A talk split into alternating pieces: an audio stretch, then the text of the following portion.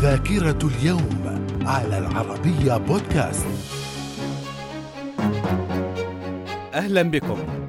من ذاكرة اليوم الخامس والعشرين من أغسطس في العام 1768 المستكشف الإنجليزي جيمس كوك يقوم بأول رحلة بحرية له. في عام 1814 الجيش البريطاني يحرق العاصمة الأمريكية واشنطن بما فيها مقر الرئاسة البيت الأبيض بعد احتلالهم لها. من الذاكرة. في العام 1825 استقلال الأوروغواي عن البرازيل. وفي العام 1830 بداية الثورة البلجيكية.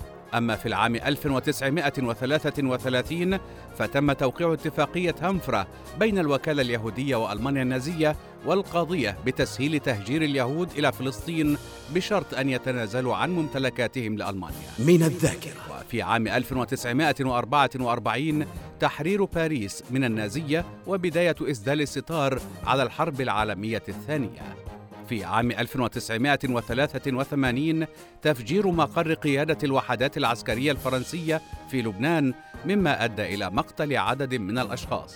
وفي العام 1991 أعلنت بيلاروسيا استقلالها عن الاتحاد السوفيتي. من الذاكرة. من مواليد اليوم الخامس والعشرين من أغسطس عام 1930 شون كونري ممثل إسكتلندي.